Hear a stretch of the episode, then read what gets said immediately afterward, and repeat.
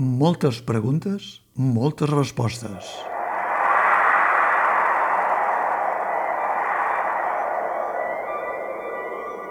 Quan surts per fer el viatge cap a Ítaca, has de pregar que el camí sigui llarg. Material fràgil. El dramaturg Jordi Casanovas ha posat el dit a la ferida quan encara és tendre. L'atemptat terrorista de la Rambla de Barcelona a l'estiu del 2017, la concentració ciutadana davant la ràtzia d'escorcolls a la Generalitat de Catalunya i principalment al Departament d'Economia de la Rambla de Catalunya el 27 de setembre, el referèndum d'independència de l'1 d'octubre, L'autor és valent perquè fuig del que podria ser un registre estrictament documental i entra en la ficció a través d'una família de classe mitjana catalana que es transforma en un mirall en el qual es pot mirar la societat actual que encara porta el pes damunt d'un judici polític de revenja i les garrapades sagnant de l'empresonament dels presos polítics catalans, l'exili de tots uns altres i la repressió de centenars de ciutadans implicats en les accions de l'organització del referèndum. Acabo de veure l'obra de la Villarroel i l'endemà mateix, a Miravet, al riu Ebre, salta la notícia d'un noi d'un institut de Sabadell que mor ofegat per una imprudència adolescent en una sortida de l'institut en la qual s'incluïa la pràctica del caiac. Penso en el pes del professorat responsable, que és el mateix pes que porta damunt la mare de l'obra de Jordi Casanovas, quan era la tutora d'un curs d'escola pública on treballava i va viure la pèrdua d'un infant de 7 anys que va caure per un penya segat en unes colònies. L'angoixa i la depressió, a conseqüència d'aquell fet, la van portar a deixar la feina i dedicar-se a difondre història, la seva especialitat, a través d'internet. La ficció a vegades supera la realitat és el mateix que passa amb el retrat del pare de la família de l'obra, un petit empresari d'una empresa de paper que s'involucra en les activitats de l'UO a través de la seva afiliació Òmnium Cultural i l'Assemblea Nacional de Catalunya, dedicat a la feina, sense acabar d'entendre la decisió que va prendre la seva dona arran de l'accident escolar.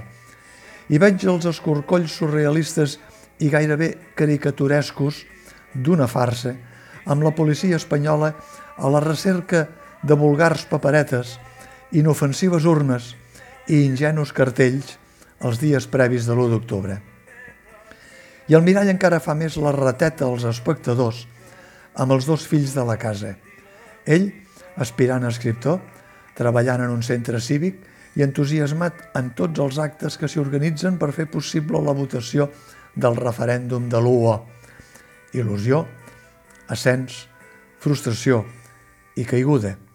Ella, la filla, lesbiana, amb un cert distanciament de la situació política que viu la família, que és la que viu també la societat, preocupada només per trobar un pis de lloguer fora del poble on viu amb la seva parella de família de tendència antiindependentista i a punt de fer coincidir la mudança amb el mateix UO. Jordi Casanovas té la capacitat de reunir en una plataforma mòbil uns cavallets que giren sigilosament i que representen el menjador de casa, que és l'únic element escenogràfic del muntatge, els principals perfils de la societat catalana contemporània. Exposa els fets, les contradiccions i els desencerts. Intenta dotar el retrat d'una mirada objectiva, però, com deia al principi, el material és fràgil i per això el tracta amb el màxim de delicadesa.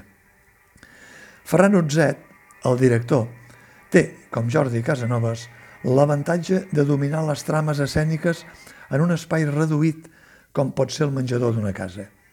No li cal gaire sofisticació per enfortir els sentiments que flueixen de l'acció.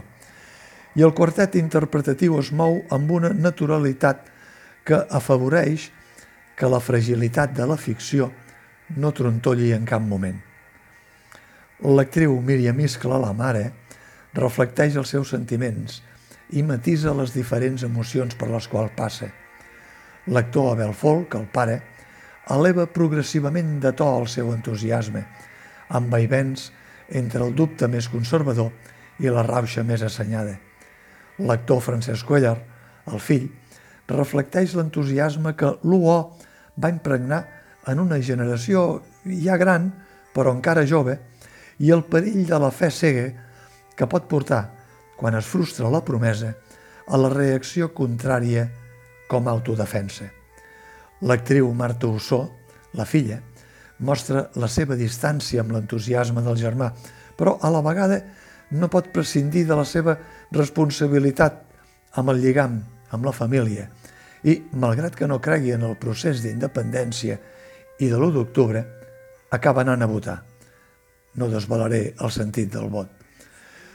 Posats a dubtar d'una de les opcions de la trama de Jordi Casanovas, l'únic punt feble de realisme i credibilitat que li trobo és que quan el fill de la casa és detingut per haver-se enfrontat a la policia i acaba sent alliberat al cap de poc, gràcies a la influència de la família espanyolista de la parella de la seva germana, em fa dubtar que hores d'ara un espanyolista de carrer, per molt espanyolista que sigui, tingui el poder de fer saltar la baula del protocol de la cadena policial, per molt conxorxada que aquesta estigui amb l'espanyolisme. Aquí sí que crec que la subjectivitat ha traït lleugerament l'objectivitat de conjunt de l'obra. Al voltant d'una taula es pot canviar el rumb del món. Al voltant de la taula de l'obra de Jordi Casanovas es canvia el rumb de la societat catalana actual.